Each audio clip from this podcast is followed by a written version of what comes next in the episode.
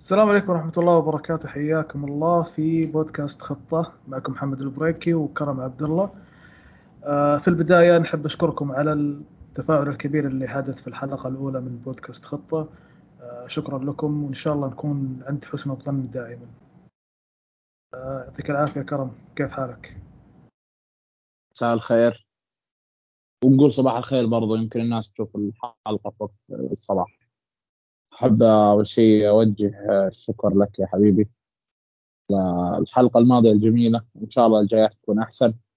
وبشكر المستمعين للأمانة على نقطة الدعم اللي شفته في الحلقة الأولى بصراحة. من وقت الحلقة التعريفية يعني والناس تفاعلها رائع. درجة اليوم يعني اليوم سعدت جدا إنه أكثر الناس كانت تسألني في السناب. مثلا لما قطعت تذكرة ومسافر إنه بتسجلوا حلقة خطة الأسبوع هذا بتسجلوا حلقة خطة الأسبوع هذا متى الحلقة؟ هذا شيء جدا اسعدني بصراحة. صحيح والاستفسارات أيضا يعني الشباب ما قصروا بصراحة كانوا يكلموني على الخاص ولا حتى في الرسائل الواتساب ولا غيرها إنه يعطيكم العافية كانت الحلقة جدا ممتازة لكن خلينا نقول بإذن الله هذه البداية إن شاء الله بإذن الله تكون يعني موسمنا معكم بإذن الله يكون غير ومختلف خلينا نقول كذا نبدأ من البطولة العربية كيف شفت النهائي يا كرم؟ البطولة العربية إحنا كنا كنا متفقين إنه هي موضوع في إعداد يعني تقدر تقول آه، بطولة إعدادية أو ما بقول تسميها ودية لكن إعداد للدوري. اللي صار في النهائي السيناريو عرفت الطرد التأخر بالهدف الرجعة الهدف في اللحظات الأخيرة اللحظات هذه بتصنع الموسم. يعني أنت ممكن النصر الآن بالنسبة لكاسترو بيبني على الفوز اللي صار هذا قبل ما ندخل أجزاء الأمور الفنية. لكن راح نبني على يبني على جزئية الانتصار هذا. آه طبعا ما بالك لو كانت قدام الهلال. فالنصر يعني استفاد جدا من الجزئية هذه بتهدي أموره كفريق بتهدي مشاكل الجماهير المطالبات الأشياء هذه اللي تصير في تويتر بتعطي مجال للمدرب حتى إنه يعمل بأريحية. يعني أنت كمدرب كل ما حققت انتصار حتى لو كان انتصار لا تستحقه. طبعا ما راح ما أتكلم عن النصر بشكل عام. لما انت حتى لو حققت انتصار لا تستحقه كمدرب أو ما قدمت اللي يشفع لك انك تفوز المباراة. آه مجرد انك انت تفوز فيها بيعطيك مساحة من العمل. طبعا أحيانا في ناس ما بتعمل وبيكون النتيجة تخدير لهم وبيرجع الموضوع عليهم عكسيا. لكن الانتصار في أي مباراة بيعطيك مساحة كمدرب في العمل. ما بالك الانتصار في مباراة نهائي بسيناريو مجنون آه قدام الهلال. فهذه بتكون دفعة ممتازة للنصر بشكل عام. ولا إيش رأيك؟ هو بصراحة أنا عجبني في مباراة النصر والهلال إنه يعني بكل أمانة كاسترو من بداية ما تعاقد مع النصر كان في بعض الخلافات بعض الكلام إنه مين المدرب هذا أساسا؟ أقل من المدربين المتواجدين أو المدربين المطلوبين خلينا نقول أو اللي كانوا ضمن قائمة الفريق المطلوبة خلينا نقول. خلينا نقول من طرف الجمهور فقط يعني على الأقل. أنا ما شفنا من الإدارة أي أي تحرك تجاه أي مدرب تقريبا. ممكن في فترة من الفترات كان فونسيكا لكن بعدها خفت الأخبار كثير. آه، فالبطولة العربية بكل أمانة أنا شفت مباريات النصر تقريبا كلها. آه، كاسترو اللي عجبني في كاسترو إنه لما وجد إنه ما هو جالس يستفيد من فوفانا هجوميا ولا هو جالس يستفيد منه حتى من ناحية البناء لأنه بكل صراحة ومع كامل الاحترام ممكن حتى قلناها في الحلقة السابقة إنه عبد الإله العامري ممكن كمدافع جيد جدا. آه، في الواحد ضد واحد في المبارزات الهوائية غيرها. لكن في مسألة البناء الموضوع يكون صعب جدا عليه. فإنك زدت الأمر صعوبة بوجود فوفانا أيضا لأنه فوفانا بغض النظر عن قيمته الكبيرة من الناحية البدنية من الناحية قدرته على حمل الكرة والتقدم فيها قدرته الهجومية حتى يعني شفنا تالقه بعد ما حنتكلم عنها لاحقا. الأمور الهجوميه لكن إنك تعتمد على عبد الإله العامري أو بشكل خاص آه، وقدامه آه، فوفانا فالمسألة كانت صعبة جدا لأنك أنت كذا لا استفدت من فوفانا لا من الناحية الهجومية ولا استفدت أيضا من فكرة إنه يكون عندك محور زي بروزوفيتش. بمعنى غالبا لما يكون في اثنين محاور في وسط الملعب المفترض إنهم الاثنين يتبادلون خلينا نقول مهمة الصعود بالكرة في الغالب يعني انه عادة يكون الأفضل فيهم يا إما الخصم يلعب ضده man to man ولا يكون الضغط عليه أكثر من من الآخر. لكن لما شفنا فوفانا وبروزوفيتش مع بعض كنا نشوف التركيز على إنه بروزوفيتش ما يستلم كورة وفوفانا هو اللي يستلم كورة وفوفانا في الناحية هذه ما هو ذاك اللاعب اللي يكون قادر إنه يطلع بالكره بالطريقة الصحيحة. وزاد الأمر خلينا نقول زاد الطين بلة إنه وجود أو خلينا ما أركز على عبد الله العمري بالذات لأنه حتى لاجامي نوعا ما أفضل شوي لكن بشكل عام ما هو اللي يعطيك الأريحية في الصعود بالكرة. فاللي عجبني في كاسترو إنه في اللحظة اللي أدرك فيها إنه الأمر هذا حيكون صعب عليه تحول للأربعة ثلاث ثلاثة. أدخل عبد عبد الله الخيبري. عبد الله الخيبري بالتأكيد حيكون أقل من من بروزوفيتش لكن على الأقل عبد الله الخيبري قادر يحرك كورته بلمسة. يعني أوكي ممكن تحت الضغط أحيانا يظهر بعض الأخطاء لكن لما يكون جنبه شخص أو لاعب مثل بروزوفيتش الأمور نوعا ما تكون أسهل له. في اللحظة هذه حسيت أنه كاسترو فعلا ملم في الوضع. وإصراره أيضا في اللقاء الصحفي إنه محتاج مدافع وفي اليوم ظهر كلام اليوم إحنا نسجل يوم الأربعاء ظهر كلام إنه آه لابورت تقريبا شبه وقع مع النصر. فهذا يبين لك إنه الرجل هو جالس يشتغل بطريقة هو عارف إيش يبغى في النهاية. فلما تحول للأربعة ثلاثة ثلاثة الأمور شفناها أسهل كثير على النصر. حتى فوفانا برز. ولا ننسى أيضا أنه ظهور فوفانا يعني أنا بكل صراحة أنا حتى الآن ما أخذنا شيء ترى من فوفانا. الناس اللي تتكلم إنه فوفانا جيد فوفانا سيء فوفانا إلى الآن ترى ما ما ظهر شيء من فوفانا. فوفانا لو فعلا وضعه الصحيح ك كلاعب box to box راح تشوف تألق كبير من فوفانا. والله خلينا أول شيء نبدأ بكاسترو. أنا من الناس اللي كنت مصدوم من تعاقد النصر معه للامانه يعني. وشفت كم مباراة له ما لفتني حاجة في الفريق يعني الفرق اللي كان يدربها. وتقدر تقول انطباعاتي كانوا نوعا ما كانت أقل من المتوقع يعني. لكن في تغيير التغيير اللي صار على طاري الأربعة ثلاثة ثلاثة التغيير هذا اللي صار فرق معاه كثير بالنسبة للمدرب. خصوصا في جزئية البناء عرفت؟ في البداية لما أنت لما صار يلعب بالأربعة ثلاثة ثلاثة أول شيء هو عمل على انتشاره بحيث إنه دائما بيكون في ثلاثة لاعبين اللي هم لاعبين المحاور آه متوزعين في عمق الملعب. ودائما بتلاقي واحد منهم بينزل يستلم في ال... عند الدفاع وواحد بيمسك النص وواحد بيروح بيتقدم بيزيد في الثلث الأمامي.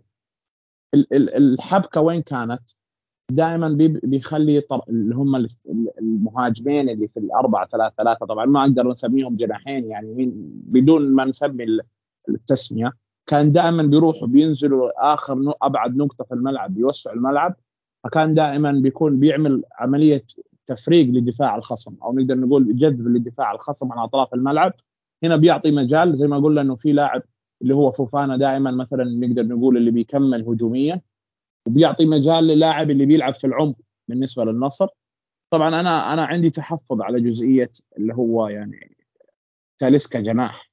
بس بنيجي لتاليسكا لكن مجملا المدرب صدمني في التغيير اللي صار بعد ما غير رسم فريقه. التغيير في عمليات البناء اللي هي تدرج صار الفريق بيعمل بيعمل تدرج من لمسة لمستين وبيخرج الأمام. آه في أنماط بدأت تتضح في شكل الفريق. يعني أنا من أنا ككرم بالنسبة لي لما آجي أحاسب أي مدرب هجوميا بحاسبه على أنماط الهجوم عنده. الرجل هذا عنده نمط اثنين ثلاثة سيناريو اثنين ثلاثة بيحاول يكررها دائما في هجماته. لما أشوف في تكرار حتى لو التطبيق كان أقل من من المعمول لكن بعرف إنه المدرب قاعد يشتغل. متى ما شفت إنه ما في تكرار في في نمط الهجوم بتبدأ تعرف إنه المدرب تارك الجزئية أكثر للجودة عند اللاعبين. آه أتكلم عن الجانب الهجومي طبعا. بالضبط. وغير كذا في في أنماط. في أنماط في النصر. لا تفضل. كمل كمل. في أنماط في النصر بديت بدأت تتضح بالنسبة لي. مجرد ما انت تشوف انت مجرد ما تتابع أي مباراة خلونا يعني بشكل عام تتابع أي مباراة في الحالة الدفاعية صعب إنك تتضح عندك لأنه اللاعب الخاص لاعبك أنت كفريق ممكن يفتك من أي مكان من الملعب. انماط الدفاعية طبعا حتى دفاعيا لها أنماط لكن آه، تمييزها نوعا ما صعب. عكس مثلا الأنماط الهجومية بتكون أكثر وضوحا للتمييز. إذا أنت ما شفت في أنماط هجومية في المدرب في بناء في في الهجمات مباشرة راح تبدا تقول إنه هذا المدرب بيعطي مساحة مساحة كبيرة للاعبين للابتكار في هجماته أو بيعتمد على جودة اللاعبين. لكن لما تبدأ تتكرر الأنماط هذه طبعا هذا مدرب الأهلي راح نجي. في أنماط كانت واضحة عنده جدا. آه لما تبدأ الأنماط تتكرر أنت تقدر تأخذ انطباع. أنا بالنسبة لي ببدأ أخذ انطباع إيجابي عن المدرب. من الحاجات المميزة كانت في كاسترو وللأمانة وصدمتني أنه استخدم كريستيانو بطريقة مختلفة. دائما كريستيانو صار ينزل ليسار الملعب الهجمة تبدأ من عنده تمريرة تمريرتين تروح لكريستيانو ثم من بعدها كريستيانو يصير في عملية جذب آه، بتاليسكا بأي لاعب من الخط الهجومي لمدافع ويعطي المجال لكريستيانو إنه هو اللي يدخل داخل يواجه المرمى. هذا الشيء خلق أعطى فرصة لكريستيانو يواجه المرمى أكثر من مرة وبنفس الوقت أزاح عن كريستيانو حمل إنه هو لازم مطلوب منه يتحرك كمهاجم صار هو بيبدأ الهجمة وبروح هو يخلصها. عكس لما تطلب منه إنه يتحرك كمهاجم داخل الصندوق اللي هي مش المنطقة اللي كريستيانو بيكون يرتاح فيها. آه هذه الأشياء اللي يعني هذه النقطة هذه النقطة اللي كنت أبغى أذكرها قبل شوي مسألة كريستيانو رونالدو. بكل صراحة أنا اللي عجبني التوظيف في كريستيانو حسيت إنه كريستيانو أكثر راحة أكثر من ما كان مع جارسيا. آه، آه، حتى اللي بعد جارسيا ما كان ذيك الراحة كان كريستيانو. لكن في الوقت الحالي مع وجود كاسترو تحس إنه هو عارف كريستيانو أو طريقة لعب كريستيانو اللي تناسب كريستيانو. بنفس الوقت باعتقادي أيضا إنه مسألة وجود آه، ساديو ماني راح تفرق كثير في التوظيف هذا. ساديو ماني عنده القدرة إنه يدخل في العمق يتبادل المراكز حتى شفناه في أكثر من لقطة. يعني في نهاية البطولة العربية في أكثر من لقطة يعني بكل صراحة ماني هو بالتأكيد إلى الآن ما هو من المعتاد. لكن أظهر شيء أظهر شيء من الممكن ان يقدمه ماني. يعني فكرة إنه أنا أنتظر مثلا كريستيانو يطلع وأنا أدخل في العمق تبادل المراكز إني أنزل حتى لاحظناها حتى في مباراة الاتفاق أيضا آه، في الجولة الأولى. لما يكون عندك لاعب زي ماني قادر إنه ينزل ويستلم الكورة ويحضر الكورة وعندك برضه كريستيانو عنده القدرة هذه يروح على الطرف ويستلم الكورة من هناك عندك ال... خلينا نقول الحركية هذه راح تفرق كثير في النواحي الهجومية. آه، شفنا في البطولة العربية ممكن حتى عشان ما لعب أساسا في أو ما لعب في الفريق الأساسي ضد الاتفاق لكن ممكن شفناه في النهائي. إنه تحس إنه في راح تكون أنماط زيادة لكريستيانو مع ماني. آه، الكيمياء ما بينهم نوعا ما ظاهرة بشكل جيد. آه، طبعا محتاج أكثر من مباراة حتى تكون الأمور أكثر سلاسة. لكن تحس إنه في خلينا نقول تبادلية جيدة بينهم. آه بكل أمانة كاسترو مع كريستيانو عجبني في التوظيف. ممكن ما أدري نتكلم عن تاليسكا الآن ولا نخليها بعدين لأنه بكل صراحة تاليسكا ذا موضوعه يعني خلينا نقول عميق جدا جدا جدا. إيجابيات كثيرة وسلبيات كثيرة. أبى أقول حاجة الآن على موضوع النصر زي ما قلنا الفوز بيعطيك أريحية في العمل. يعني شايف الكلام اللي قلناه تغيير نمط كريستيانو وتحركاته تغيير رسم الفريق و و و لو هو تعثر كان بيجي بعدها مضطر مثلا الناس بتقول لك لا أنت خسرت مثلا تغيير الرسم أو أو أو. فاهم بيحط عليه ضغط من المدرب. انتصاره في المباراة اللي قدام الهلال آه يعطيه مجال إنه لسه يستثمر أكثر. متى بالنتائج ساءت؟ راح تبي تظهر المشاكل اللي هو طيب والله كريستيانو مثلا ما بيتحرك كمهاجم والله المها... النصر ما عنده مهاجم. راح تبقى تبدا تظهر الأشياء السلبية. فكيف راح يصير سياق الأمور مستقبلا في النصر؟ لا شك إنه راح يكون حاجة مثيرة. بخصوص ماني أعتقد إنه ماني لعب كمهاجم في عدة فترات مع مع كلوب ليفربول وحتى في ميونخ. فهذه الجزئية ممكن تريح نقطة إنه هو كريستيانو ما بيتحرك كمهاجم وبيسجل أهداف كثير لكن هو ما هو مهاجم ولو أجبرته يلعب كمهاجم راح يعني تأخذ حاجة سيئة من اللاعب راح تجبر اللاعب على وضعيات هو ما يحبها بيكون اللاعب غير مرتاح. وجود ماني ساعد في النقطة هذه. والجزئية الأهم أنه الانتصار يعطي مجال للعمل. يعني ممكن كل الأفكار اللي هو قاعد يحاول يزرعها تدمر لو صار في نوع من الخسارة لو في تعثر للفريق. فتبدأ بعدها إيش؟ اللي هو أنه طب يلا غير طب يلا شوف خلينا نعدل. بيصير في ضغط على المدرب. فيعني أنا بالنسبة لي أتمنى أنه ما بقول أتمنى التوفيق. فلكن خلينا نشوف إيش بيصير. في نقطة برضو لو حسبناها ك ممكن نقول الحين حاليا النقاط الإيجابية لكن لو في نقاط سلبية آه، من وجهة نظري أشوفها إنه أحيانا تحس آه، هجوم النصر نوعا ما بطيء يعني تحضير زيادة نوعا ما في بعض المباريات أو في بعض الدقائق خلينا نقول آه، الفريق أحيانا يكون بطيء شوي. النقطة هذه باعتقادي تخليني أميل شوي لفكرة إنه ممكن يكون في لاعب وسط جديد. كان في كلام عن لويس ألبرتو بصراحة ما أدري عن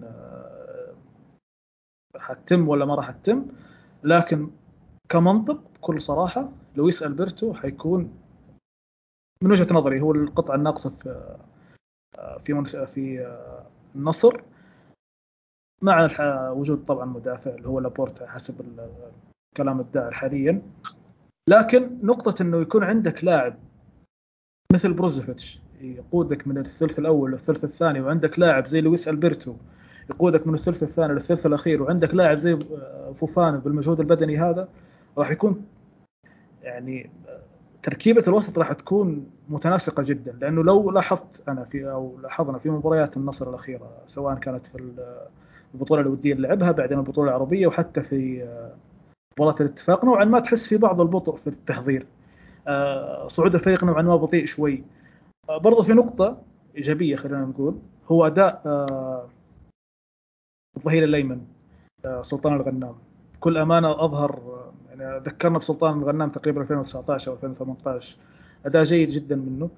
آه، توظيفه أيضا جدا ممتاز. آه، بكل صراحة سلطان عنده الذكاء اللي متى يزيد متى يرجع متى يغطي.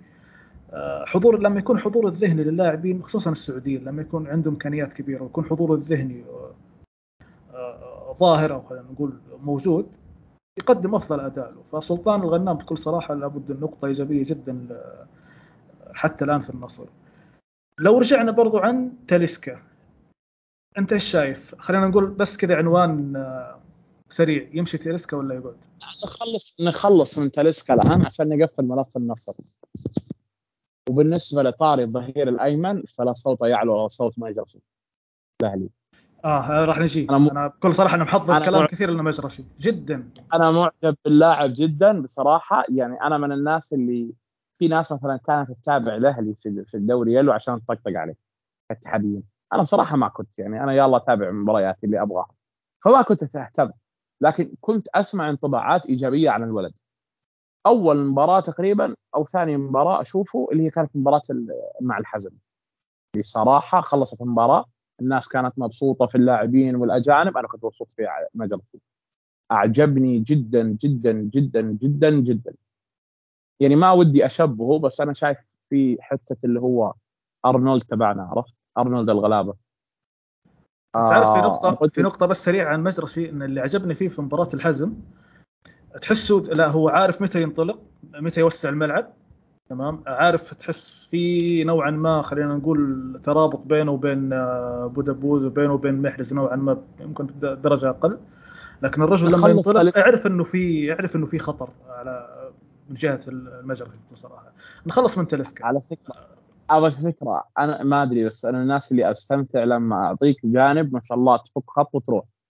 فخلينا خلينا نخلص تاليسكا اي نخلص تاليسكا وجاوب على السؤال كذا نعم نعم أم لا ولماذا؟ تلسكا يتم في النصر ولا يمشي؟ آه بصراحة يمشي. ماني شايف له فايدة. يعني يعني خليني أتكلم على تلسكا بشكل عام. أنا من أكثر الناس المعجبين بتلسكا. وأنا من الناس اللي طالبت تلسكا في الاتحاد قبل ما النصر من أيام ما كان يلعب في الدوري الصيني. بشكاش ومرحلة الدوري الصيني. وأنا كان عاجبني اللاعب كنت زعلان إنه راح الدوري الصيني. لكن لو تكلم على وضع النصر الآن في جانبين للموضوع. الجانب الأول إنه كم المنظومه تقدر تشيل لاعبين بدون كورة. يعني أنا مقتنع إنه في تقييم في الفريق في الحالة الهجومية والكره معاك وفي تقييم بدون كورة. كم تقدر تشيل منظومة النصر لاعبين بدون كورة؟ أحد أجمل الفيديوهات اللي انتشرت في ال social media كان في مقدم رياضي يتكلم عن كلام كان يقوله سيمو دييغو سيموني مدرب اتلتيكو كان يقول إنه واحد بدون كورة استثناء آه اثنين تمشي لا واحد تمشي اثنين استثناء إنه يكون لا عندك لاعبين في الفريق بدون كره استثناء. ثلاثة مبروك عليك الخسارة. اللي هو خلاص يعني الموضوع انتهى. أنا من الناس اللي أنا ماشي مع المبدا أنا كرم بشوف المبدأ هذا صحيح. آه كم بيقدر النصر يشيل كمنظومه لاعبين بدون كورة؟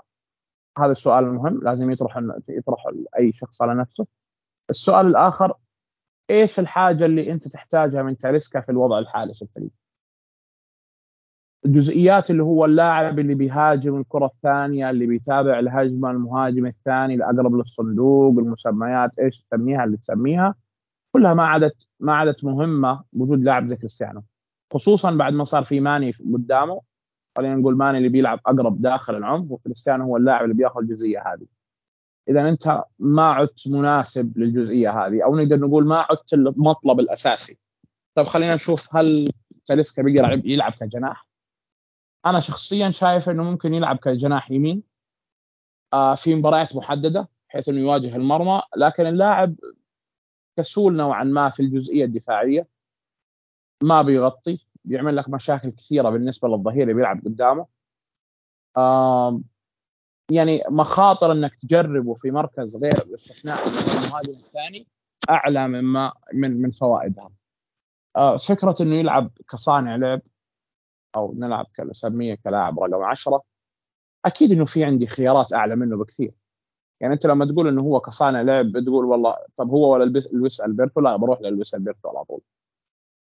النقطة الأهم أن المدرب بعد التحول للأربعة ثلاثة ثلاثة ما عاد بيحتاج لاعب رقم 10 كرقم 10 قد ما هو محتاج لاعب يلعب كلاعب وسط ثالث. تاليسكا ما يؤدي الدور هذا. طيب تاليسكا ما بيؤدي دور الجناح. طيب تاليسكا ما بيؤدي دور المهاجم. طيب ليش اخليه؟ بس له أهداف زيادة. في خطأ مربوط دائما عند الناس. الصوت عندي أوكي يا محمد؟ اي تمام. في خطأ موجود دائما عند الناس إنه إذا اللاعب بيسجل أهداف كثير معناها أنا ما أقدر أستغني عنه. هذا شيء خاطئ تماما. إذا أنت قادر توفر وضعيات مناسبة للفريق تصنع فرص راح تعوض الفرق الأهداف اللي اللاعب آه، إكس يسجلها.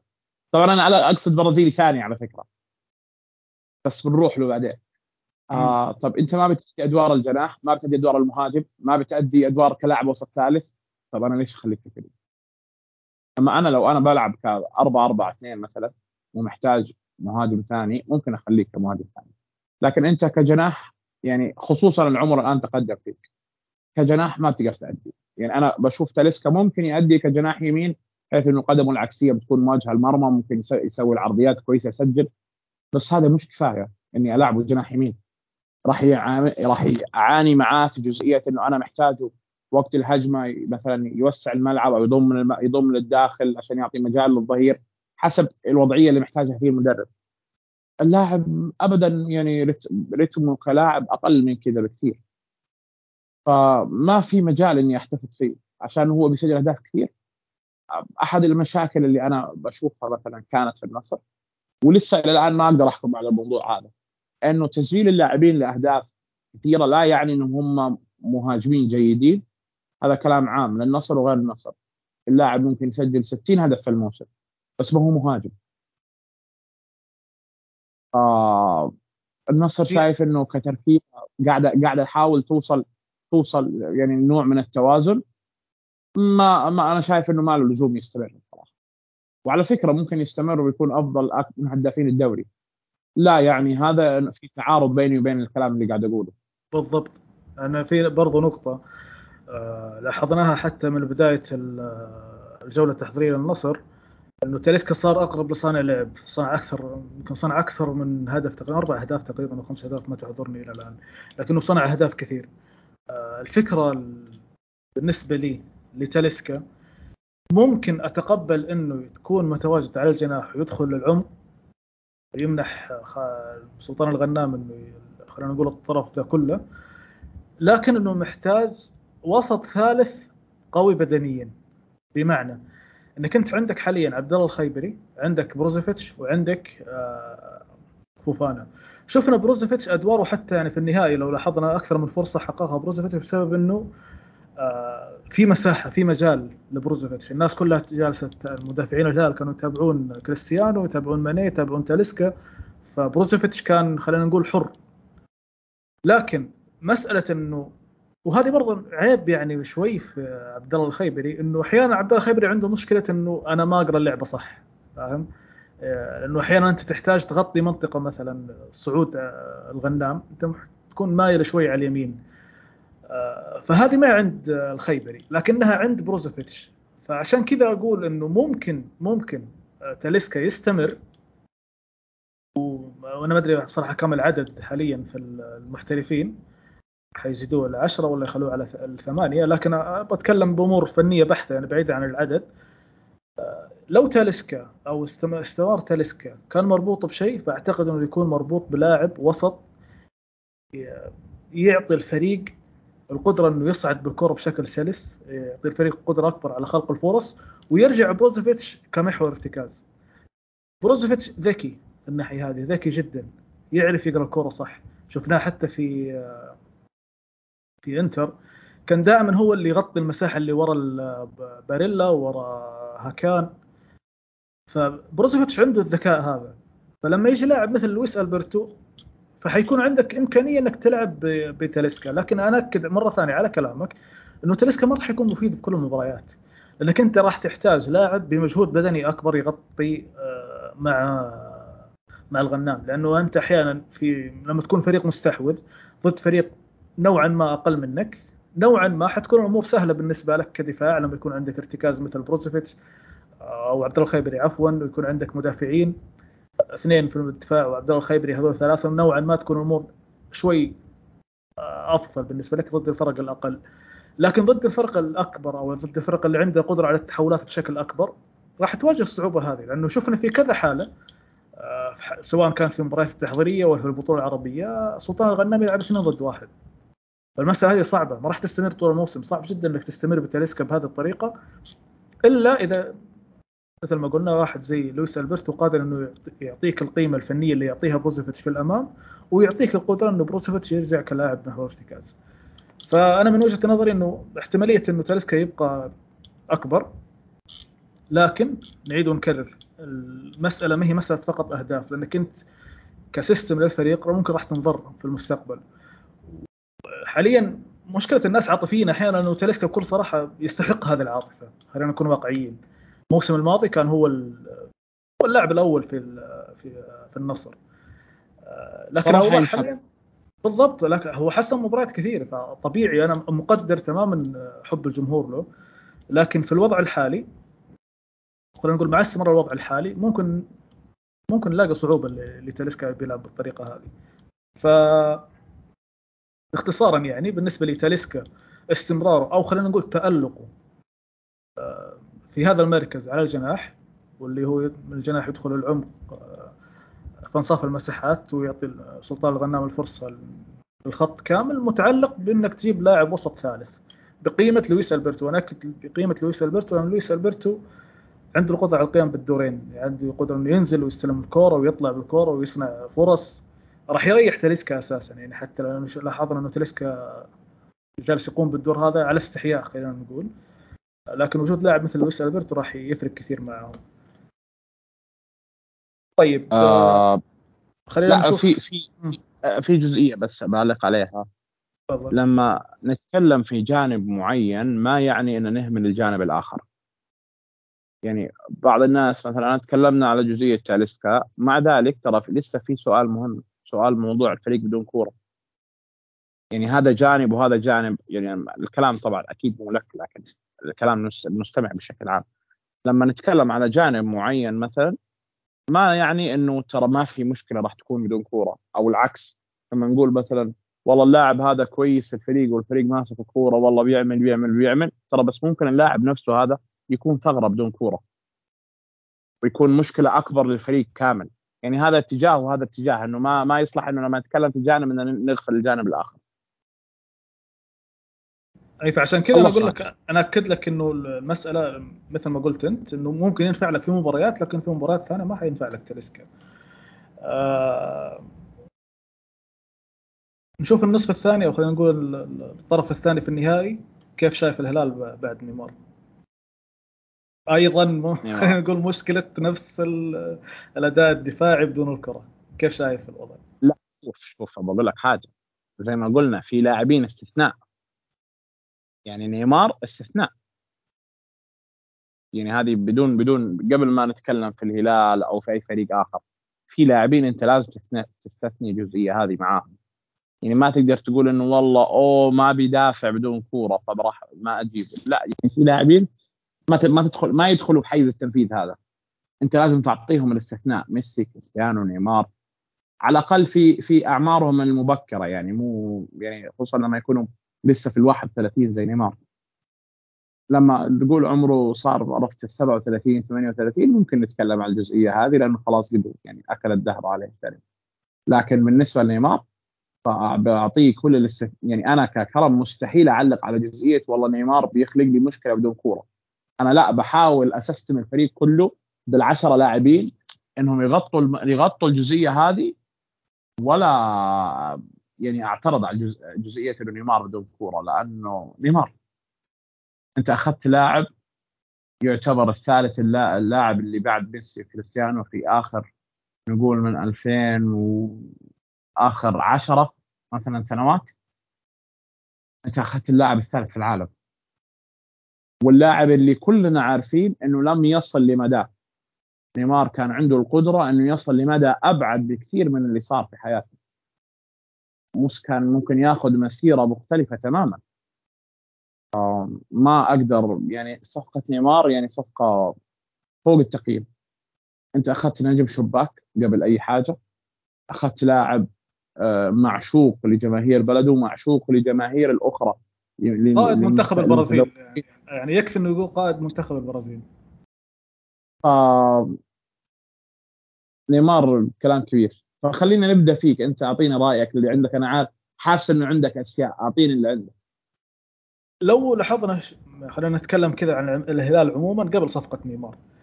آه، في مشكلة في الهلال واضحة كانت آه، هي ما كيف أعبر عنها إلا بكلمة واحدة إنه حدة آه، خسس الزايده خلينا نقول طبعا هذه طريقة لعبه ما نختلف عليها تماما. لكن الحده الكبيره اللي اللي بيلعب فيها في الهلال تركت مساحات كبيرة في الدفاع. آه، المسألة هنا من وجهة نظري أنت حاليا لو مع قدوم نيمار راح تضطر تضحي يا إما بكنو يا إما آه، بسالم الدوسري. لو افترضنا إنه متروفيتش راح يكون موجود وهذا حسب الكلام الدائر حاليا إنه متروفيتش وخلينا نقول عموما مهاجم راح يكون موجود. فأنت يا أما تلعب 4 3 3 يا أما 4 2 3 1 يا أما أنك تخلي نيمار على الجناح يا أما تخلي نيمار ورا المهاجم.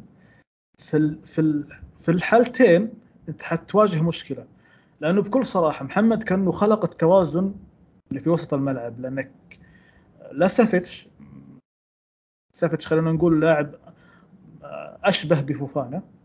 ممكن ما ما بقارن بينهم لكن أقول لك طريقة لعبه وأسلوب لعبه إنه دائما يحب رجل عمودي على طول على على المرمى الخصم. كأنه خلق التوازن اللي في وسط ملعب الهلال. فأنت حاليا راح تضحي إما بمحمد كنو أو بسالم الدوسري. فهذا السؤال خلينا نقول هو اللي بالنسبة لي حاليا أبغى أبغى أشوف كيف حتكون طريقة تعامل خيسوس معه. لأنه بكل صراحة لو استمر بالأربع 2 3 1 وسالم الدوسري على اليسار ونيمار تحت المهاجم وعلى اليمين آه، مالكم آه، حيكون الثنائي الوسط سافيتش ونيفيز. حتواجه مشكلة كبيرة جدا في التحولات. المسألة ما هي قابلة خلينا نقول للقيل والقال لأنه الثنائي إحنا عارفينهم نيفيز وسافيتش قيمة فنية عالية جدا. لكن دفاعيا أنت ممكن تواجه تحولات كثيرة. فمثل ما قلت أنا محمد كأنه خلق التوازن هذا. فما أدري بصراحة هل حيتخلى عن محمد كنو من وجهة نظري أتوقع إنه حيتخلى عن سالم الدوسري. صعب إنه يتخلى عن محمد كنو وقتها ممكن نشوف نيمار على الطرف. وقتها لما يكون نيمار على الطرف المفترض إنه يكون الظهير الأيسر هو اللي زايد. عشان يمنح نيمار الفرصه إنه يدخل العمق. النقطة هذه خلينا نتكلم أيضا عن ياسر الشهراني. ياسر الشهراني مو في أداؤه لا دفاعيا ولا هجوميا وأيضا في كلام على ظهير أيسر أجنبي. فالأمور نوعا ما مترابطة خلينا نقول من ناحية ومن أخرى. يعني مثل ما قلت أنا صعب إنه يتخلى عن محمد كنو فحيخلي نيمار على اليسار. وقتها أنت محتاج ظهير أيسر أفضل من ياسر الشهراني بكل صراحة انه ياسر الشهراني الفترة الأخيرة ما هو ياسر الشهراني المعتاد لا دفاعيا ولا هجوميا. لكن كصفقة نيمار لوحده بكل صراحة يعني خلق ممكن أنا كلمتك أنا إنه صديق برازيلي تكلم كان اتكلم معاه يقول إنه البرازيل كلها راح تتابع الدوري السعودي. فيما معناه إنه إحنا كنا جالسين نتابع الدوري السعودي في بعض الأحيان عشان اللاعبين البرازيليين لكن حاليا الكل في البرازيل راح يتابع الدوري السعودي. فبالتأكيد قيمة نيمار التسويقية هائلة جدا. لكن القيمة الفنية لنيمار بالتأكيد أيضا ما حنتكلم عنها من الناحية الفرديه ما في أي اختلاف. لكن مثل ما قلت هي بعض التنازلات خلينا نقول لخيسوس. حيتنازل عن محمد كنو وبالتالي يفقد قيمة كبيرة في وسط الملعب أو حيتخلى عن سالم الدوسري اللي هو قائد الفريق وال... خلينا نقول نجم الشباك في ال... في, ال... في الهلال في فترة أو لفترة طويلة يعني وقائد المنتخب. فأنت صار نجم من و... نجم منور الآن. ما عاد نجم شباك. بعد آه لكن المار. يظل قائد المنتخب السعودي يعني فانت أنت كل الاحترام لا لا أبى أقول لك حاجة. يعني تتوقع هو المرشح تتوقع هو المرشح إنه حيكون اللي يضحي فيه خيسوس؟ إي طبعا. حيبقى على محمد كنو. حيبقى على محمد كنو. الفريق بدأ يرى النور ثلاثية كنو ونيفيز ومع سافيتش. الفكرة هي إنه حتى سافيتش نفسه كلاعب بيرتاح أكثر كلاعب الوسط الثالث من إنه لو لعبته بجوار بن الفريق رأى النور في الثلاثية هذه أعتقد الثلاثية هذه راح تكمل كثير. وتذكر الحلقة الماضية قلنا في حاجة عن المدربين البرتغاليين والجناح اللي يدخل العمق. إيه. عرفت؟ بنعيد نفس العبارة اللي هو مرة عرفت مدرب برتغالي ما خلى جناح يدخل العمق ومات. نفس الفكرة هنا راح نيجي ناخذها كربون عرفت؟ على نيمار. آه راح يستبعد عن سا... يستغني عن سالم. راح تشوف ممكن شوف ممكن يجرب سالم في مكان آخر. لكن الفكرة هي إنه نيمار بياخذ الجناح اليسار. خيسوس وضعيته دائما لما بيكون مهاجم بيكون عنده الجناحين الظهيرين بنفس الوقت موسعين الملعب. فدائما بيسحب بيجذب ظهير الخصم بيعطي مجال للاعب يدخل انصاف المساحات. طيب مين أجمل من إنك تعطي نيمار الجزئية هذه؟ فراح نشوف نيمار على الجناح. طبعا له مشاكل بدون كورة له له له بس إحنا قلنا إنه نيمار استثناء.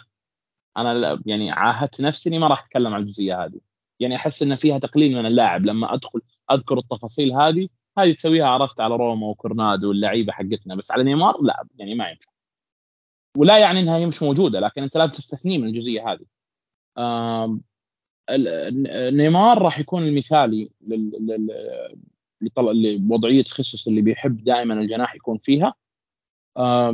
أعتقد إنه راح راح نشوف سالم يعني بيدفي الدكة كثير للأمانة. خلينا نقول برضو على موضوع مالكم بكل صراحة أنا مالكم عاجبني وأنا يمكن كتبت تغريدة لما تعاقد مع الهلال. قلت إنه الرجل هذا في الموسم الماضي مع في الدوري الروسي انفجر هجوميا انفجر تهديفيا. آه، فالوضع الحالي لمالكم بكل صراحة يعني مبشر جدا لجمهور الهلال. ولو تواجد وهذه برضو نقطة خلينا نتكلم برضو عن موضوع متروفيتش أو المهاجم عموما إنه في مالكم ترى من نوعية اللاعبين اللي يحبوا يكون عندهم خلينا نقول سنيد فاهم؟ اللي هو أنا أسند على لاعب وأدخل منطقة الجزاء أسدد أراوغ أقدر أخذ وضعيتي أفضل إذا كان جنبي مهاجم. فمالكم لو تواجد معاه متروفيتش وبرضه متروفيتش من نوعية اللاعبين اللي target man خلينا نقول زي ما يقولوا الكتاب. يدمرنا بالضبط. بكل صراحة يعني لو متروفيتش وعندك متروفيتش ونيمار مالكم ووراهم سافيتش انت تشوف من يسجل. يعني ممكن الأربعة يطلعون في قائمة الهدافين في نهاية الموسم. آه لكن أنا أثني بكل صراحة على مالكم. آه ممكن ناس سألتني لما تعاقد مع الهلال إنه ليش آه يا أخي آه، طردوا برشلونة؟ ما كان سيء ما كان جيد مع برشلونة. أتمنى إن الناس تدرك إنه في أمور أحيانا تحدث للاعبين بعيدة تماما عن موضوع التوظيف بعيدة تماما عن موضوع القدرات الفنية. أحيانا أمور ذهنية أمور نفسية تفرق مع اللاعبين. فهو ما كان مرتاح مع برشلونة ايا كانت الأسباب. ما كان متوظف. لا بس كان نفسه ضايع يا أبو يا بالضبط بالضبط. يعني أقول لك امور امور كثيرة يعني صعب تحكم عليها. بالضبط. يعني صعب إنك تحكم على لاعب في فريق غير مستقر. آه وفكرة برضه إن الدوري الدوري الروسي مش مقياس. أنا أتمنى إن الناس ما في حاجة اسمها الدوري مش مقياس. أنت تتابع اللاعب على أرض الملعب. أنت مستحيل تقول إنه الدوري الفلاني مش مقياس لأنك بكل أمانة إحنا لو جينا للدوري الدوريات اللي مش مقياس راح أطلع لك مليون لاعب صعد من دوريات أقل وكان واحد من نجوم الفرق الكبرى في أوروبا. فالمسألة هذه ما هي ما هي خاضعة للنقاش على الأقل بالنسبة لي. لأنها مسألة خلينا نقول إعلامية شوي السوشيال آه، ميديا شوي إنه والله شوف الدوري هذا مو مقياس الدوري الفلاني مش مقياس. لكن مالكوم في الموسم الماضي مع زينت سان بطرسبورغ كان متوظف بالطريقة الصحيحة وهذا اللي فرق معه تهديفيا وخيسوس بكل صراحة جالس يوظفه بالطريقة الصحيحة اللي تناسبه. آه، هو مدرك إنه دائما يحب يكون عنده مهاجم حتى لو كان المهاجم هذا فهد الحمدان.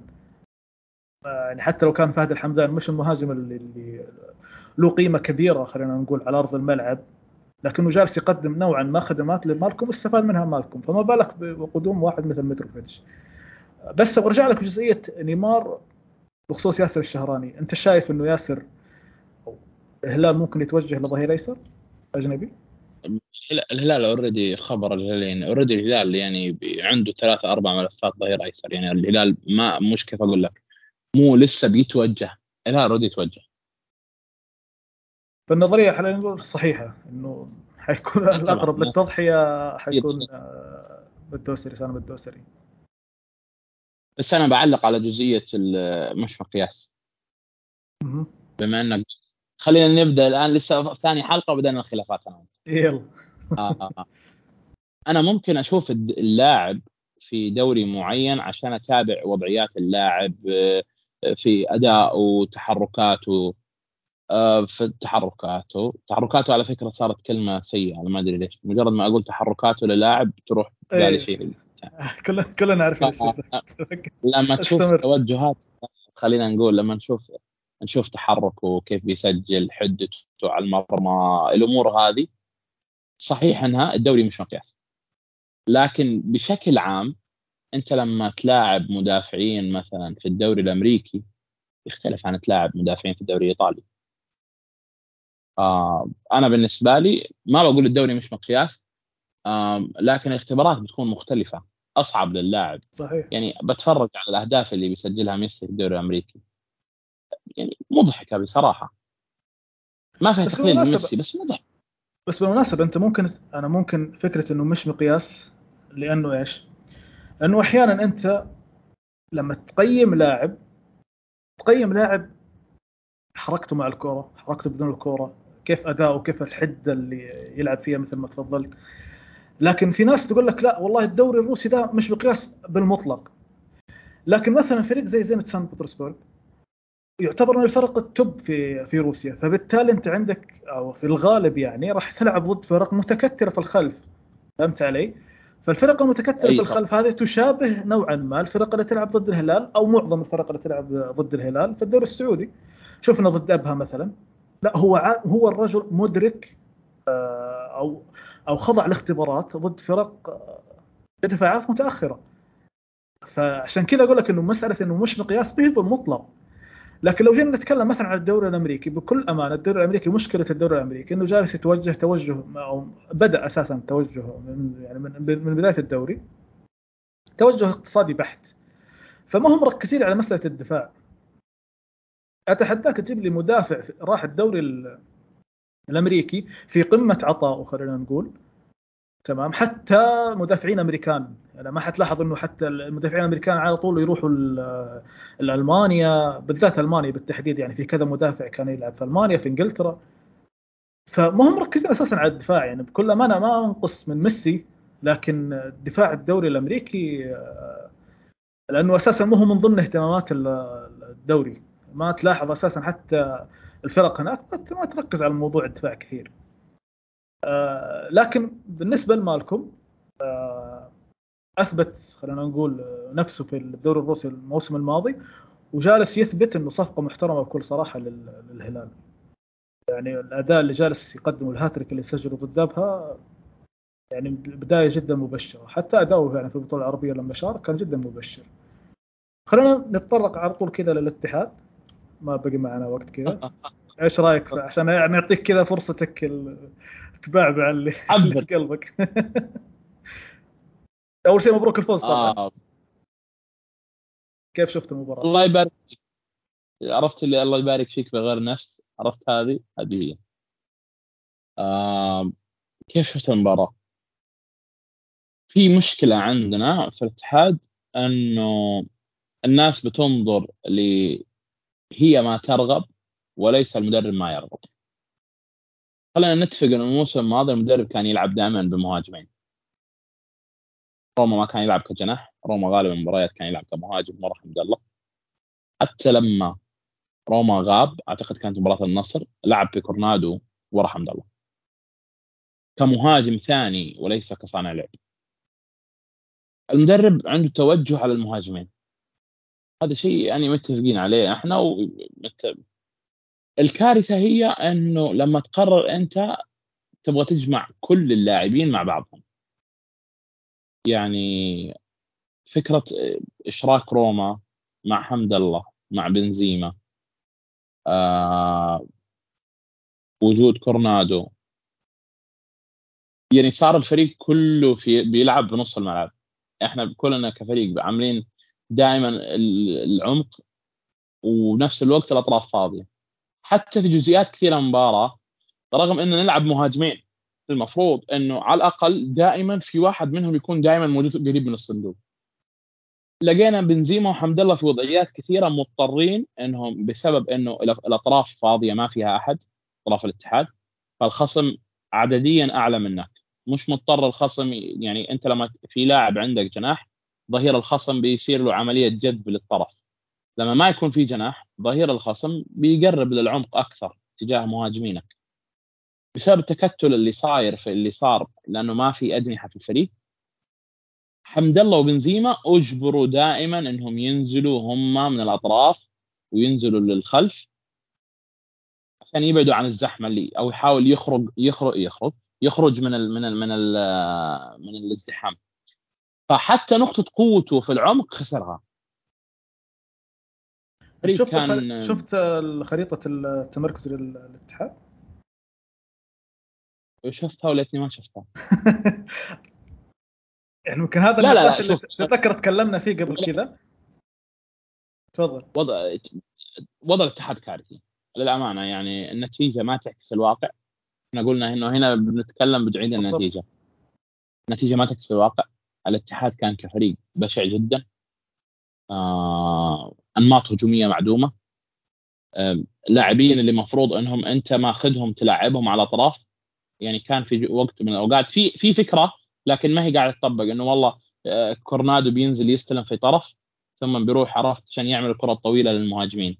في اللحظة هذه بتلاقي المهاجمين أجبروا إنهم هم ينزلوا بسبب الازدحام بسبب الفراغ في أطراف الملعب فحتى جزئية العمق خسرتها. آه لاعبينك اللي اللي في الوقت اللي كورنادو بيروح يمسك طرف بتلاقي روما اللي مسك الطرف الثاني. بدل ما يوسع الملعب بتلاقيه راح دخل ورا المهاجمين. آه يعني في كرة تقريبا عرضية واحدة انعملت بشكل صحيح. كان حمد الله بيسجل منها. انت الآن لما لعبت مهاجمين الموضوع صار واضح. يعني ما هو محتاج عبقرية. انت محتاج تبحث لهم عن كل كرة طويلة وعرضية من تحت الأرض من فوق السماء من المدرجات من اليمين من اليسار بحيث إنك تعطيهم كمية من الفرص كويسة. لأنك الآن أنت أنت مجرد إنك لعبت مهاجمين خسرت اللي هو اللاعب الممول. طبعا هو في الاتحاد فقط تشوف إنه في اللاعب الصانع وتشوف المهاجمين وتشوف الفوضى هذه. بس بشكل عام أساسا اللي هو الاختلاف بين الصانع والمهاجم الثاني أنا تاريخيا إلى الآن على فكرة هذا ممكن ممكن يكون رسالة ماجستير. مين بدأ قبل كذا الصانع بدأ أول وتحول لمهاجم ثاني والمهاجم ثاني بدأ وتحول لصانع بس الفكرة هي إنه لما تكون أنت لعبت مهاجمين أنت خسرت اللاعب اللي هو ممول خلف المهاجم. الحل إنك أنت تغزو الأطراف عشان توصل للمهاجمين. يعني الموضوع ما هو اختراع يعني سحر. أنت كمدرب والله أنا عشان برتغالي لازم أدخل جناح إلى العمق طيب بس أنت قاعد تلعب مهاجمين. ما أنت محتاج الجزئية هذه. يعني هي ما هو قالب نيجي قالب عرفت ونلبسه للفريق أنت الآن بوجود مهاجمين ما أنت محتاج الجزئية هذه. لأنه أصلا هم الاثنين اوريدي بيكونوا موجودين داخل. بتروح تجيب الجناح كمان تدخله معاهم للعمق. طيب وبعدين؟ ومين بيمسك الطرف؟ أنت حطيت الجناح على العمق ونزل الجناح للطرف ونزل للعمق وعمل الجذب للظهير الخصم. طيب مين اللي بيشغل المساحة هذه؟ المطلوب من اظهر ظهيرين في الاتحاد إنهم يوصلوا النص وهجمة ملعب الخصم يعملوا الزيادة هناك ويرجعوا هم يدافعوا لأنه ما شاء الله الشباب كثير بدون كورة.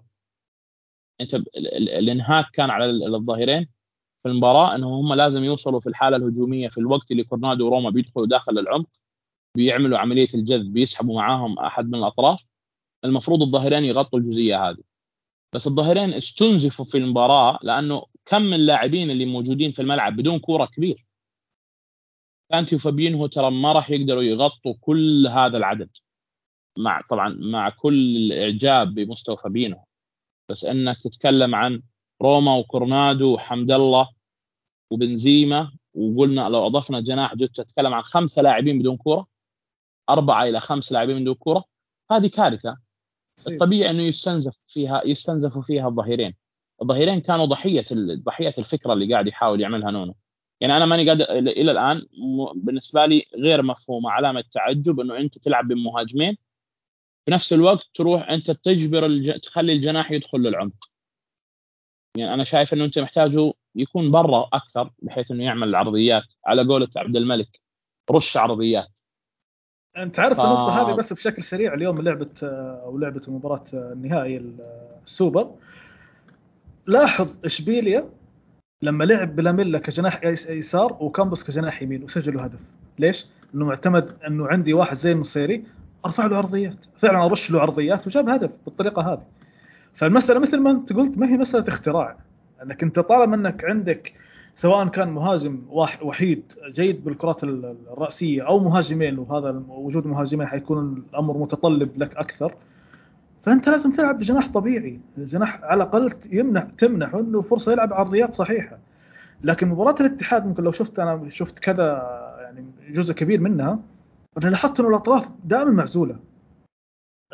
اللعب دائما في العمق صعوبة كبيرة تحس يعني المسألة ما فيش أطراف من أصله. عملية عارف العملية قيصريه فاهم على ما يعني على ما تحس إنه الاتحاد ممكن يشكل خطورة. معقدة جدا معقدة جدا الفكرة اللي قاعد اللي قاعد يحاول يطبقها الفريق. طبعا إحنا ما لما نقول في شيء خاطئ في ناس تقول لك أوه يعني المدرب ما قاعد يشتغل. لا قاعد يشتغل بس قاعد يعني يصعب الأمور على نفسه. آه لما أنت هي بالمناسبة تفضل. تفضل. أنا بس بس بقول على نقطة الشباب اللي الناس اللي تتكلم إنه المدرب ما يشتغل أو يشتغل أو إحنا أفهم من المدرب أو إحنا نفهم من المدرب فقط بس بشكل سريع إنه أحيانا المدرب بيشوف شيء في في التدريبات إحنا ممكن ما نشوفه. ممكن تكون عنده فكرة في باله آه، يحاول يطبقها في الملعب. خطأ في النهاية. هي المسألة ما خاضعة إنه المدرب كل كلامه صحيح لكن هو جالس يجرب. تفضل. يعني الآن إحنا لما صار عندك مهاجمين ما عاد عندك اللاعب اللي هو الصانع يعني ما ما في تجيب لاعب مهاجمين وصانع. طيب أنت خسرت جزئية الصانع أنت محتاج الجناحين توفر كمية الفرص. المهاجمين هذول الاثنين اللي عنده. طبعا راح نيجي اللي صاير في الفريق إنه هو عنده مهاجمين بس هو ما قاعد يوفر لهم فرص على الأطراف. بسبب إنه هو ملاعب بجناحين نقدر نقول أصلا هم لاعبين وسط لاعبين عمق. بيضموا للعمق. طبعا ضمهم للعمق بناء على أفكاره على بناء على إيش؟ شروط الجنسية البرتغالية اللي عند خيسوس موجودة عند سانتو. لازم الجناح يدخل داخل. طيب صار عندك مهاجمين بيدخلوا داخل موجودين. صار عندك الجناحين بيضموا للعمق. ومين بيلعب الأطراف؟ ظهيرين طيب الظهيرين لما لأنه عندك أنت شوف الأمور كيف تركب على بعضها. لأنه عندك خمسة أو أربعة لاعبين بدون كورة. أول ناس مطالبين في في التغطية العكسية دائما هم الظهيرين يرجعوا يغطوا. طيب أنت خسرت مواقع قوتك لأنه ما في لاعبين أطراف فبالتالي المهاجمين صاروا ينزلوا للأطراف. خسرت قوتهم الاثنين وأنت ما أنت عارف توصلهم. بنفس الوقت مدخل جزئية إنه هو الجناح بيضم بيضم معاهم للعمق. فأنت فرغت الطرف. تفريغ الطرف هذا نتيجة محتاج الظهير يغطيه باجتهاد أو بمجهود أعلى من المجهود الطبيعي. لا وبنفس الوقت لأنه عندك خمسة لاعبين بدون كورة صرت تضغط على الظهيرين في التغطية العكسية فبالتالي استنزفتهم بشكل مبكر بداية المباراة. يعني كل الأفكار لما تجمعها على بعض أنت ممكن دائما لما تيجي تمسك فكرة لحالها واحدة تقول والله دي فكرة منطقية. أنا مثلا بلعب بمهاجمين حمد الله وبنزيما. أنا ككرم مقتنع في الجزئية الحمد لله وبنزيما تستحق المخاطرة. إني بلعب بمهاجمين حمد الله وبنزيما والله حمد الله بنزيما بيحضر كويس وحمد الله بيسجل بيستغل المساحات بشكل جيد وبيسجل أهداف. بلعب على الجزئية هذه. لحالها صحيحة. لما أجي أروح أحط عليها العوامل الأخرى لا تصير خاطئة. وهذا كلام ما في ترى تناقض. الناس يعني دائما مشكلة تويتر إنك أنت تكتب عن جزئية معينة فالناس تتغافل عن الجزء الآخر. نفس الشيء لما كنا نتكلم عن اللاعبين بدون كره قلنا ما ننسى جزئيه بدون كره فهنا نفس الكلام. كفكرة أنت ممكن تتقبل ممكن تتقبل أو لا لكن تلعب مهاجمين. سواء كريم وروما ولا كريم وحمد الله اختار اللي تبغاه. تلعب مهاجمين وتقبلت الفكرة. طيب بس أنت ما فعلت الأطراف عشان تستفيد من المهاجمين هذول. وبنفس الوقت رحت لعبت معاهم لاعب اللي هو زي كورنادو. في العمق زيادة. وبنفس الوقت شروط الجنسية البرتغالية إنك تخلي الجناح يدخل داخل العمق. صار الفريق كله في العمق وما في حد في الاطراف خسرت أظهرتك في الحالة الهجومية لأنهم دائما مجبرين متأخرين عن العملية هذه. لأنهم استنزفوا في التغطية العكسية لأنه عندك خمسه لاعبين بدون كورة. شوف الأمور كيف كل يعني كل حاجة ترتبط بحاجة.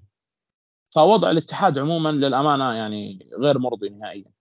هل تشوف إنه كذا بشكل سريع قبل ما نختم الاتحاد هل تشوف إنه ممكن نونو يغير الأفكار؟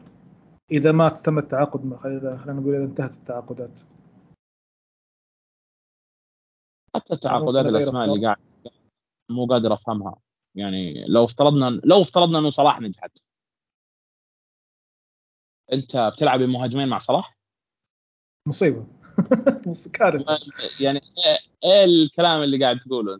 يعني لو لو فعلا صارت صلاح وتعاقد الاتحاد مع صلاح وصلاح صار مهاجم أو عفوا صار جناح وفي موجود بنزيما وحمد الله. أنا بكل صراحة لا أنا أنا ممكن يعني خلينا نقول أعمل تظاهره عند نادي الاتحاد فاهم؟ اللي هو أقيل نونو حالا قبل ما يلعب أي مباراة.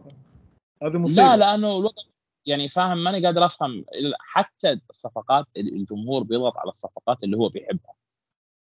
يعني بس ما يعني طبعا هذا أبسط حق للجمهور أكيد أنا ما بما لكن المدرب ملزم على المهاجمين يعني فأنا ماني فاهم إيش التوجه. هو عموما مشكلة الاتحاد إنه أنت ما أنت فاهم إيش التوجه.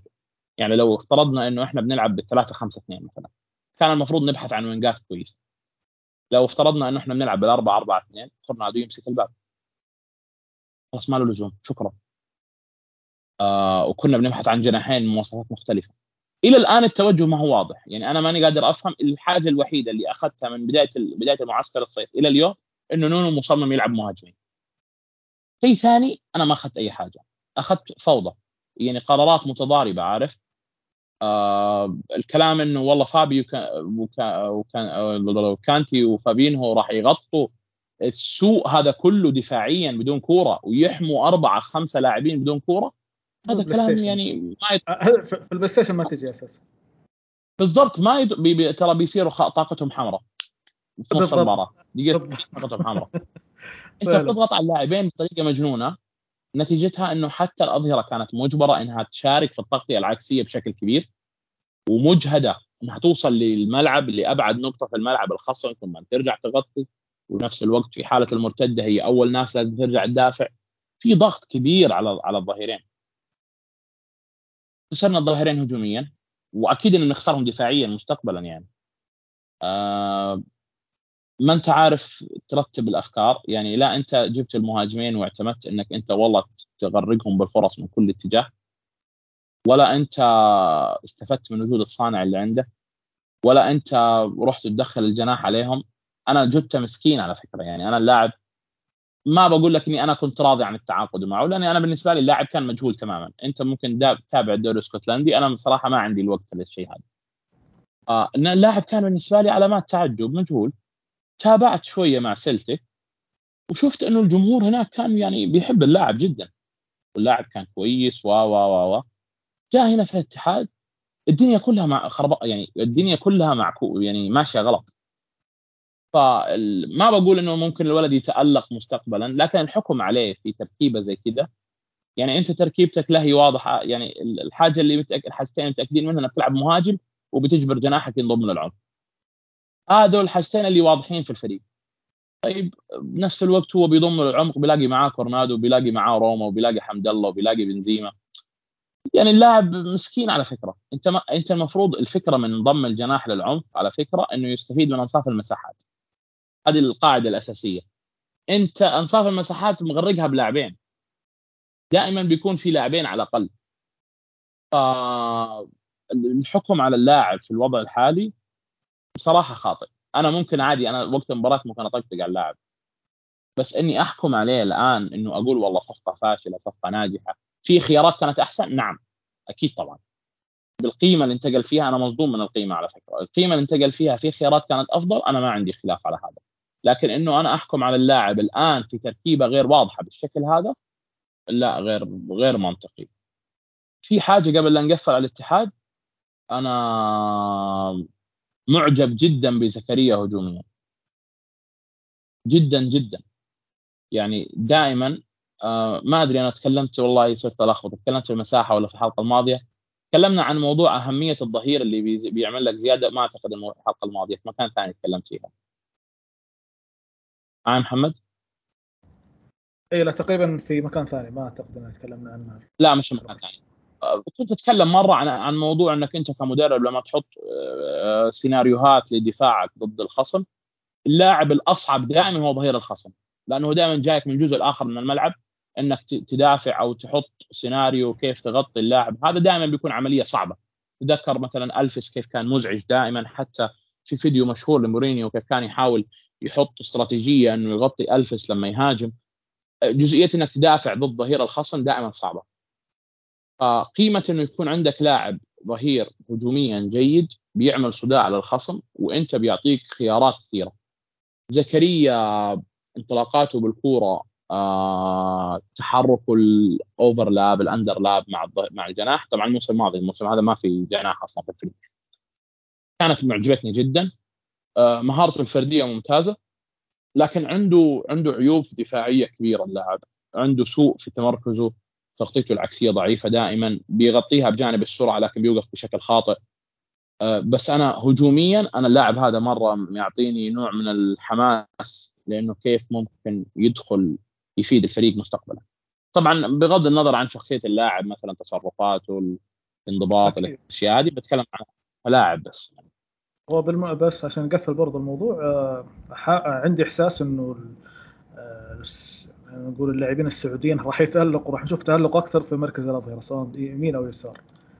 انه هو تقريبا المراكز اللي ما دعمت في بشكل كبير آه الأجانب.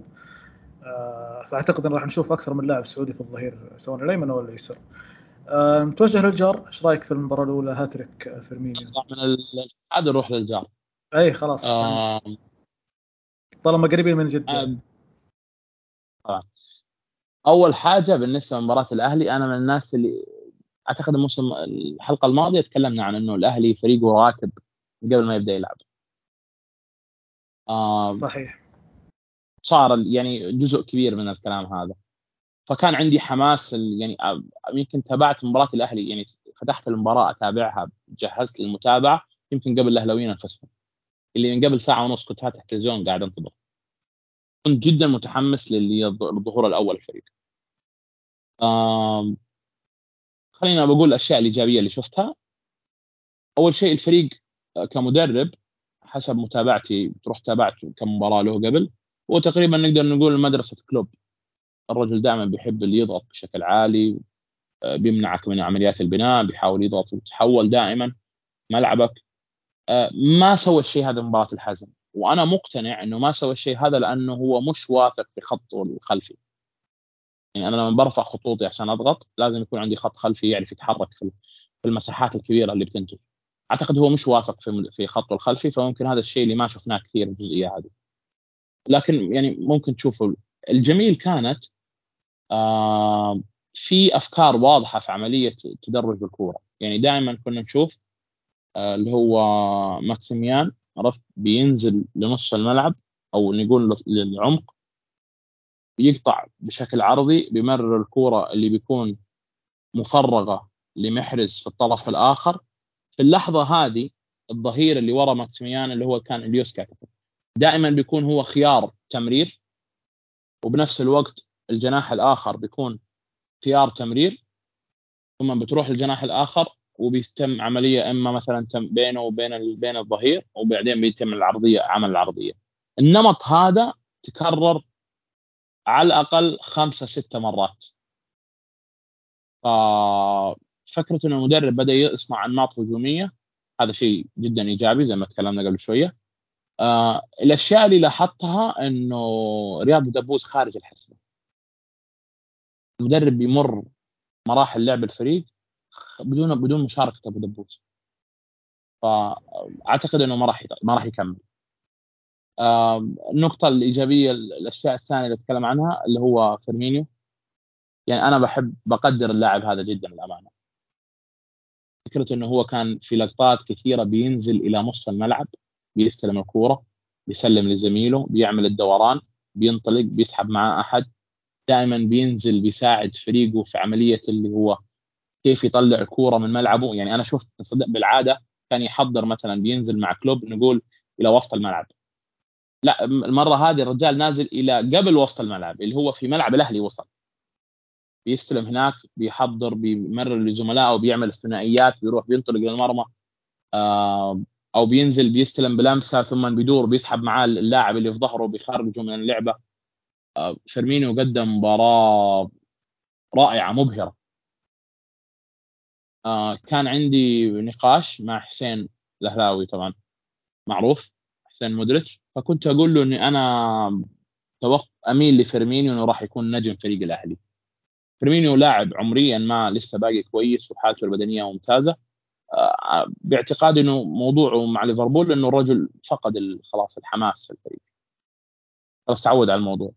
كان محتاج تجربة جديدة. بعدين رتم الدوري مختلف على فكرة. مع ارتفاع طبعا بس طبعا تجربة جديدة. اللاعب يروح لتجربة جديدة. الجمهور استقبله بحفاوة أول مباراة. آه هذه الأشياء كلها خلت اللاعب يعطيك وضعية أفضل. نفس الوقت ما شاء الله قلنا عنده جناحين يعني رائعين مناسبين له. وهو مناسب لهم. فرغم إنه ماكسيميان بشكل عام ما عنده الجزئيه اللي هو لو فيرمينيو بيحضر له بيواجه المرمى. أو على الأقل إلى الآن ما شفتها. آه لكن الأكيد إنه بيكون الموضوع أسهل عليه إنه يواجه المرمى هنا مثلا في الدوري الإنجليزي عن الدوري هنا مثلا. فراح نشوفه يواجه المرمى بشكل أكثر. آه قلنا الأهلي المدرب عجبني إنه هو ما بدأ في الضغط العالي اللي هو أصلا من أهم أفكاره خصوصا إنه يعني مش واثق دفاعه. عجبني موضوع أنماط الهجومية اللي واضحة. نفس الوقت قلنا ملاحظة إنه أبو دبوس خارج ال خارج ال خارج العمليات هذه دائما ما بيشارك في عملية التحضير. مع إنه المفروض إنه هو اللاعب يعني اللي بيلعب في وسط الملعب واللاعب اللي المفروض كل كرة تمر عليه الرجل معزول. يعني اللاعبين كانوا عازلينه. طبعا مش اللاعبين أفكار المدرب كانت عازلاه ممكن لأنه اللاعب مش مناسب له فممكن يغيره. تحركات ماكسيميان دائما للعمق اللي دائما تعطي أليوسكي أو الظهير اليسار مين ما كان اسمه يكون في طرف الملعب اليسار لحاله مفرغ تماما لأنه ماكسيميان سحب معاه الظهير. آه فيرمينيو تحضيره ظهوره الأول الرائع. علي مجرسي نروح لعلي مج... علي مجرسي صح؟ اسمه علي الأول. علي علي مجرسي. علي. النجم بالنسبة لي. آه أنا بالنسبة لي أنا صعقني. يعني أنا كل المباراة هذه والأشياء الإيجابية اللي شفتها علي مجرسي كان بالنسبة لي بطل الليلة. صعقني إنه لاعب يقدر يوقف على نص الملعب ويرفع راسه ويعمل العرضية بشكل ممتاز إلى الجهة الأخرى. غير الجهه الأخرى مرر تمرير في العمق كذا الفيرمينيو أيوه أيوه. ما يمرر ما يمررها اي لاعب بكل صراحة. لقطة أنا بالمناسبة أنا ممكن ما تابعت علي كثير ممكن أنت تابعته مثل ما كلمتني قبل شوي إنه تابعته كثير أو تبع خلينا نقول تابعته في فترة من الفترات. لكن آه، أنا لما لعب التمريرة هذه كنت عارف اللي هو توي منتبه لل مين من التشكيلة وغيرها. فتفاجات معقول هذا ظهير سعودي؟ فجيت أتأكد لا أنا ما على مجرى التمريره قسما بالله تبين لك أنه لاعب رؤيته للملعب جدا ممتازة. ذكي يتحرك بالوقت المناسب يرجع بالوقت المناسب. أنا عليه أعطيه بصراحة يعني 10 من 10 بكل صراحة في المباراة. أنا سمعت عنه أشياء إيجابية عرفت لما كان يلعبوا في الدوري يلو لما كان الأهلي لسه باقي هابط قبل لا يصعد. سمعت يعني ما كنت فاضي إني أروح أتابع الأهلي قاعد إيش يصير فيه في الدوري يلو. لكن سمعت عنه أشياء إيجابية للأمانة وشفته في مباراة قبلها يمكن. بس ما كان لفتني كثير لأنها كانت مباراة مملة يعني عرفت؟ كانت مباراة ضد الاخدود اعتقد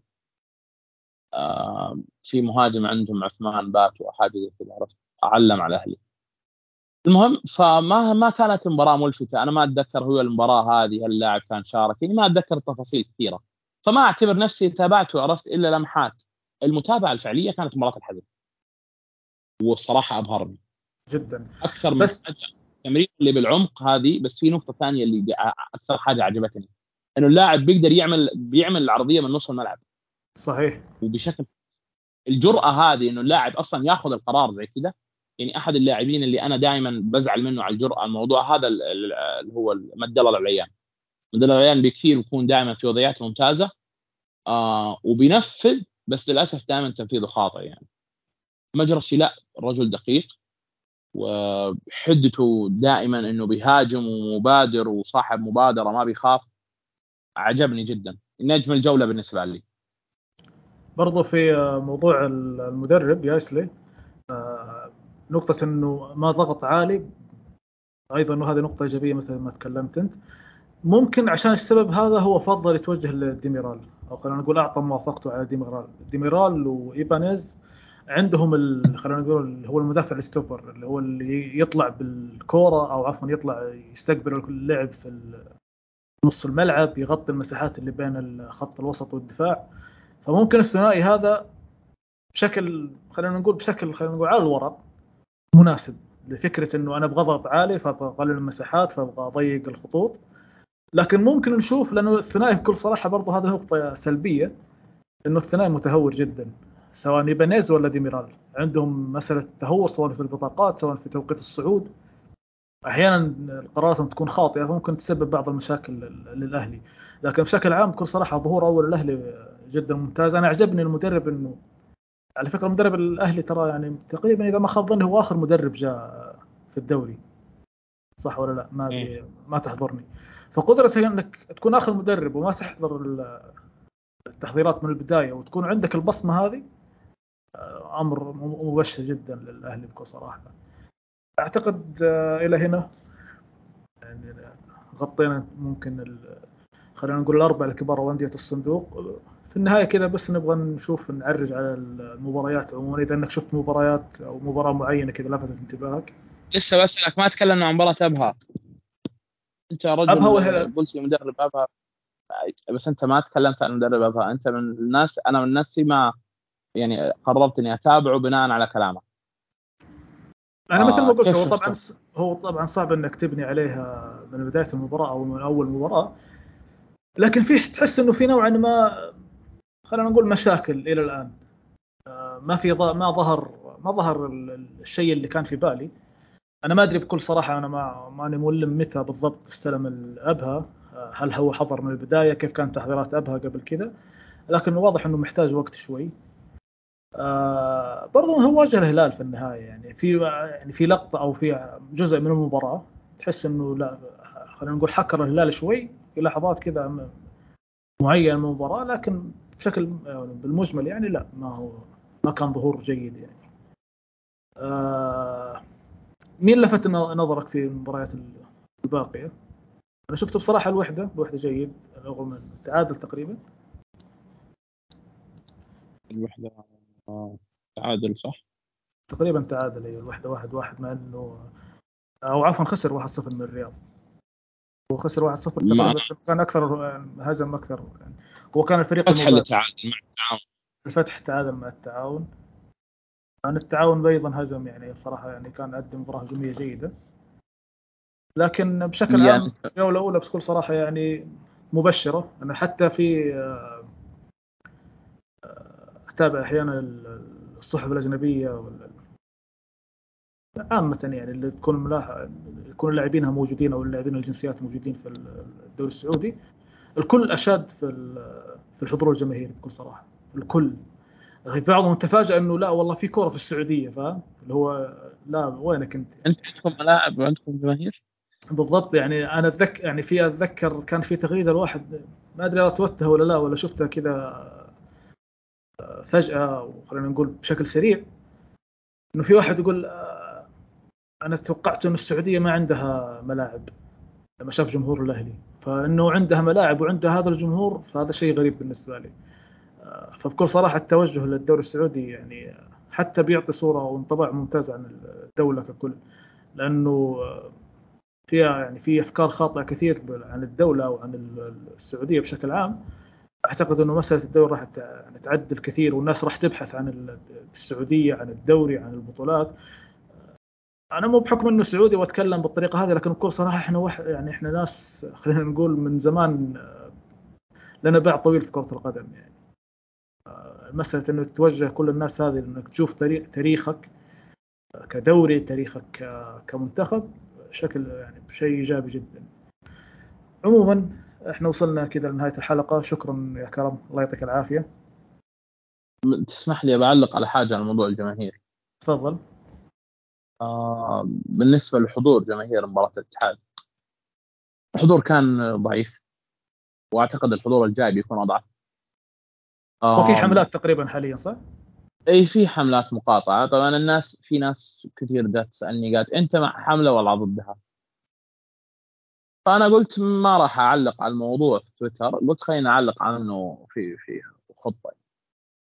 أنا ككرم لا أدعو لمشجع لأنه يحضر أو ما يحضر. هذا شيء في النهاية يعني غير منطقي إني أنا أقول لك والله ما تحضر عشان تفضل الإدارة أو أقول لك احضر عشان إنه لا ادعم الفريق ومن هالكلام. فالموضوع يعني شخصي في النهاية لكن ما ما راح أشارك في الجزئية هذه لكن حضور الجماهير وإنه لو الملعب مثلا مليان معناها إنه في رضا عن الإدارة. ففي النهاية أنت كشخص كمشجع يعني إذا أنت شايف إنك راضي احضر شايف إنك ما أنت راضي حقك ما تحضر. ما راح أخون المشجع اللي يقول لا أنا ما بحضر عشان أمارس وسيله ضغط على على النادي. يعني هذا أبسط حقوقه فما حب في تويتر ما حبيت أعلق على الموضوع لأني شايف الحملات يعني كبيرة. الناس فاللي بيحضر فهو راجع له هو راضي عن الفريق واللي ما بيحضر فهو غير راضي عن الفريق. وفي النهاية يعني حر يعني ما راح أقيمك على حضورك كمشجع للمباراة أو إذا حضرت أو ما حضرت ما راح نسحب منك صك الميول يعني لو ما حضرت. هذه بس النقطة اللي كنت حابة أعلق عنها بخصوص حضور الجماهير لما تكلمت عن جماهير الأهلي يعني. جمهور الاتحاد واضح إنه لسه عندنا مشاكل كثيرة. نحلها قبل ما نرجع ن... صحيح. هو يعطيك العافية لا بقول لك حاجة في ناس تعتقد إنه أنا سيحضر المباراة كيف؟ دخل علي واحد في الخاص. يعني أنا تقدر تقول في في علاقة طيبة بيني وبين متابعين. فدخل علي واحد بالخاص قال يا خاين الناس تبغى ما تبغى تحضر صوت الإدارة وأنت اللي ساكن بعيد قاطع تذكرة ورايح جدة تحضر المباراة. قلت أنا راجع بكرة يعني بالليل. ولا ولا في بالي الموضوع. يعني لما آجي جاي لعمل ماني جاي أحضر مباراة. حتى لو كان في مباراة ممكن ما أقدر أحضر يعني صعبة. فجأة أطلع في التلفزيون وتوصل الصورة عرفت لإدارة الشركة عندي ويقولوا تارك أنت فاهم؟ يعني ما ماني جاي المباراة بعيدة لسه السبت. فأني راجع قبلها. فأنا ما بحرض على الحضور ولا بحرض على عدم الحضور. هذا قرار شخصي. لا ما ما أتمنى أني أتدخل في الجزئية هذه. وفي النهاية أنت يعني ما تقدر تحكم على على على ميول مشجع تقول والله أنت خائن ولا ما تشجع الفريق بسبب الحضور أو عدم الحضور. يعني في النهاية آراء. هو شايف إنه والله أنا من مص... يعني من من مصلحتي مثلا أو من مصلحتي كمشجع للفريق إنه والله أعبر عن امتعاضي من الإدارة إنه والله شوف أنا ما حضرت عرفت علي؟ لكن في أكثر طريقة على فكرة طريقة بالضبط. حضارية جدا أنا شايف إنه طريقة حضارية يعني أنا شوف ما أشجع ولا أقول روح لا تحضر لكن شايفها طريقة حضارية وإنك تعبر عن يعني عن رأيك كمشجع أبسط حقوقك إنك أنت غير راضي عن الفريق مثلا غير راضي عن العمل الإدارة غير راضي عن المدرب غير راضي عن أي حاجة إنك ما تحضر. صحيح. استمتعت معك جدا والله يا كرم. شكرا لك. وشكرا للمستمعين. آه، لا تنسون التقييم. والاشتراك طبعا في القناة واي استفسار في موجود على الإيميل. آه، شكرا لك اكرم الكلمة الأخيرة عندك. دائما إيش نقول؟ تنجح خطه تفشل الخطة. كمان الله يعطيكم العافية. السلام عليكم.